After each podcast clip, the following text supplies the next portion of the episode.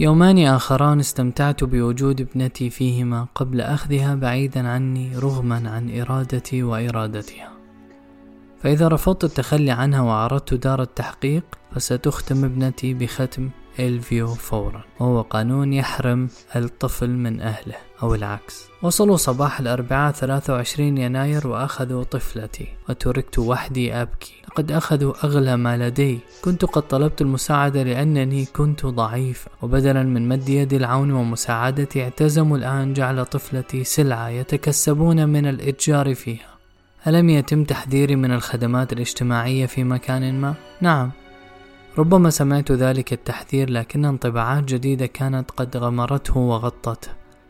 فقد قالت لي إحدى صديقاتي إنها لسنوات عديدة تلقت دعما لها ولأطفالها من الخدمات الاجتماعية. كانت تلك الصديقة محظوظة فقط لأن الخدمات الاجتماعية نادرا ما تقدم دعما لمن يحتاجون إليه. إنه وهم. اعتقده كثير من الناس وأنا وقعت في ذلك الوهم أيضا. تبدو كلمتا الخدمات والاجتماعية وكأنها شيء وجد لمساعدة العائلات لكن ما يفعلونه حقا هو بتر للعائلات وختم أطفالها بختم إلفيو. أما في بعض الحالات الفردية الخاصة فهم يتدخلون ويساعدون أحد الوالدين لأن شيئا مخفيا يكمن وراء ذلك. يمكن أن يكون من يساعدونه جهة من جهات التواصل بينهم.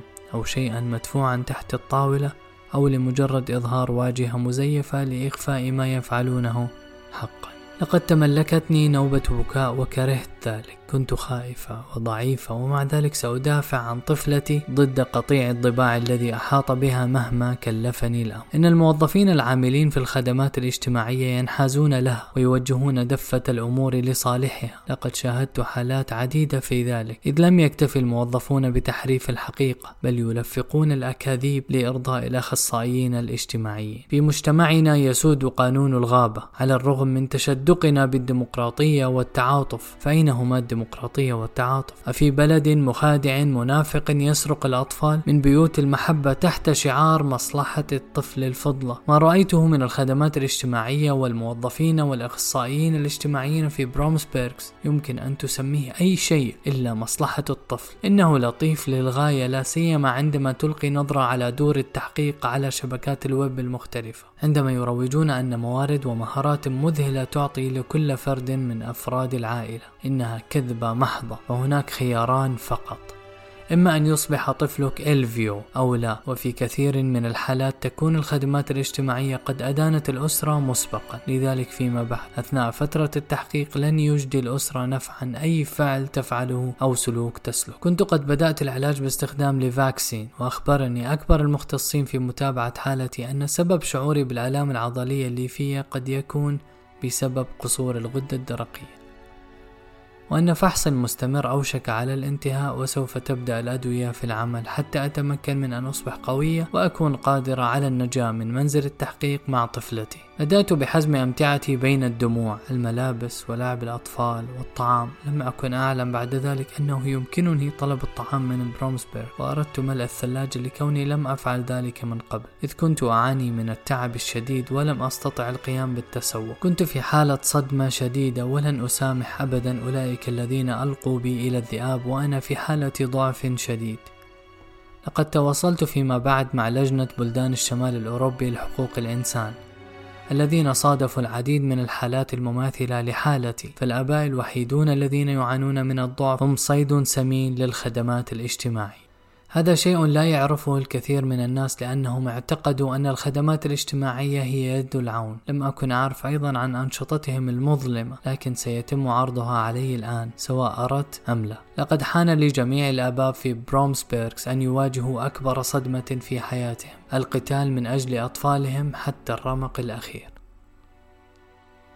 في نفس اليوم الذي اختطفت فيه ابنتي اتصل والد فيونا وقال أنه يريدها في عطلة نهاية الأسبوع. كانت عطلة نهاية أسبوع طويلة فأراد أن يفعل شيئا ممتعا لابنته. قلت إنها مع أنا كارين ويمكنه الاتصال بها والترتيب معها ليلتقيا لأخذ فيونا. اتصل بي مرة أخرى وتساءل في غضب عما يجري وأمرني بإحضار فيونا. فقد اتضح أن أنا كارين حرمته من حقه في ابنته حينما ادعت أنها لا تعرف والد فيونا عندما جاء ليصطحبها. كيف يمكنه يمكنها أن تحرم فيونا من والدها. حتى لو لم تكن تعرفه فسوف تتعرف عليه فيونا حينما ترى. عندئذ بدأت أشعر بالقشعريرة تسري في أوصالي. فإذا حرمت أنا كارن فإذا حرمت أنا كارن والد فيونا من رؤيته فستحرمني أنا فستحرمني أنا كذلك من رؤيتها في المستقبل. ليس أنا فقط بل ستحرم الأجداد والجدات أيضا. بدأت أشعر بالارتياع من آنا كارن. كيف خدعتني هذه المرأة بالحيوانات في مزرعتها لدرجة أنني لم أرى حقيقتها المزيفة لقد احتاجت إلى المال لتغطية نفقاتها ورأت في ابنتي مصدر دخل مربح لمشروعها التجاري المبتدئ. اتصل والد فيونا بالشرطة لكنهم لم يفعلوا أي شيء. كان الأمر برمته مدبرا وفوق طاقتنا وكان الكابوس قد بدأ.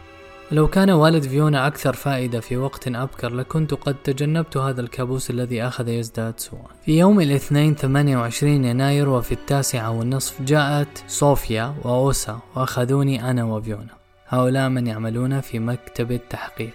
عندما وصلنا نزلنا من السيارة وأنزلنا الصندوق المليء بأمتعتنا. عندما عبرنا الحدود إلى برومسبيرغز أعلن فجأة أنني غير كفؤ وكان علينا أن نذهب إلى منزل الموظفين في غرفة اجتماعاتهم حيث أجبرت على التوقيع على ورقة تفيد بأنني هنا طوعا بمحض إرادتي. ثم خصصت لنا غرفة في المنزل المجاور لمنزل الموظفين أسموه البيت الأزرق على الرغم من كونه منزلا أحمر.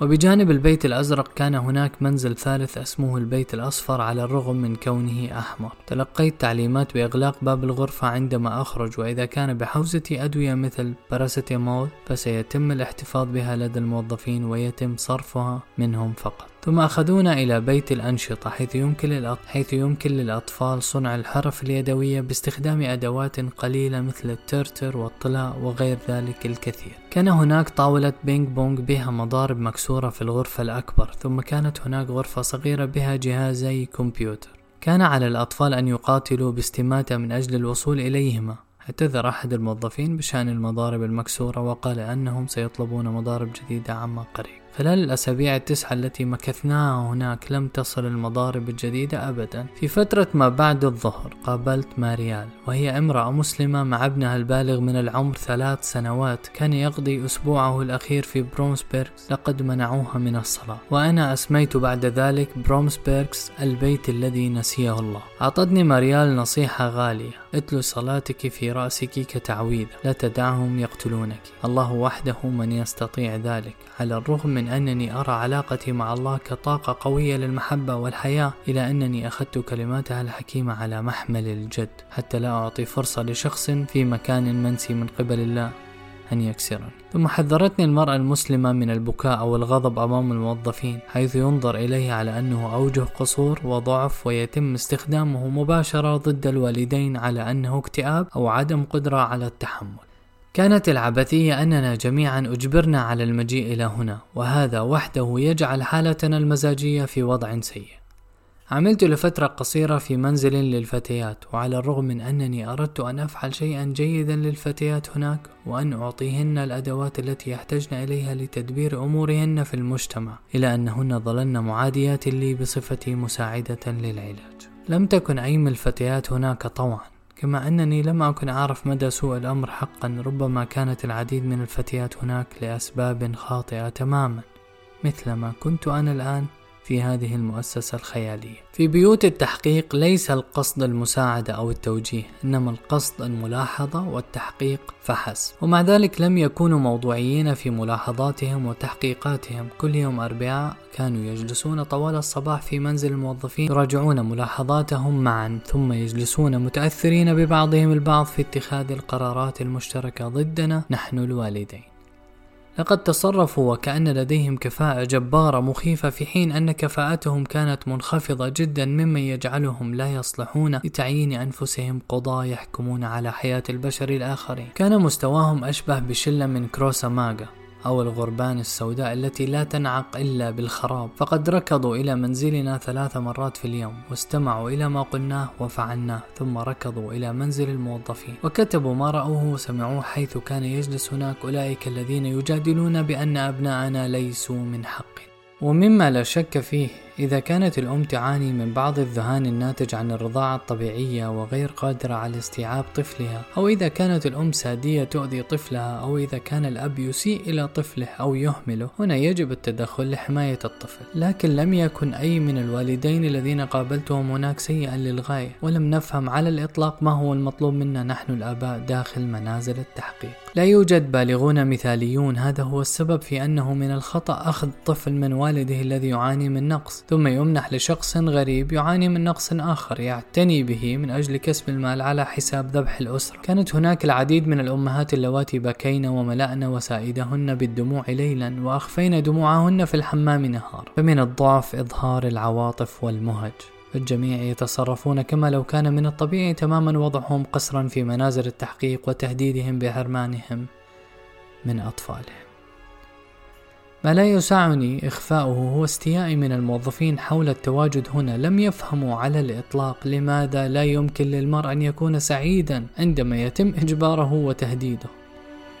أنا كنت بحاجة إلى الدعم والمساعدة ولست بحاجة إلى المزيد من الضغط للتنازل عن طفلي. كانت طريقة صياغة تحقيقاتهم خرقاء بشكل مخيف فقد زعمت مايا التي أصبحت الشخص المسؤول عن التواصل معي من بين مزاعم أخرى. أن فيونا تتحدث لغة الأطفال. إذا قرأ شخص ما هذه التهمة التي حيكت في ملف التحقيق فسيكون لديه انطباع بأن الطفل البالغ من العمر ستة أعوام بالكاد يستطيع التحدث. ما قصدته هو أن فيونا واجهت صعوبة في التعامل مع حرف الراء. علمت ذلك في وقت متأخر أنها يمكنها أن تقول آر ولكن كان عليها التركيز على مخرج الحرف عندما تتحدث. حاولت أن أشرح لها ذلك لم تظهر أي قابلية للفهم واستمرت في التمسك بمزاعمها البلهة. قرأت لاحقا على الإنترنت أن طفلا صغيرا تم اختطافه من قبل الخدمات الاجتماعية وتم إخضاعه لعملية جراحية. من قبل والديه بالتبني ضد رغبة والدته لأنه لم يستطع